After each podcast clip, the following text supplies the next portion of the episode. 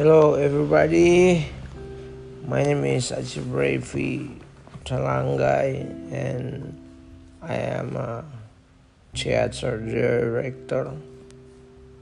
And so I'm starting my podcast to share what should I feel because sometimes some people never understand about the struggle to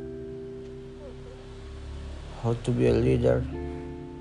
Sometimes I'm confused because I make too much decision and then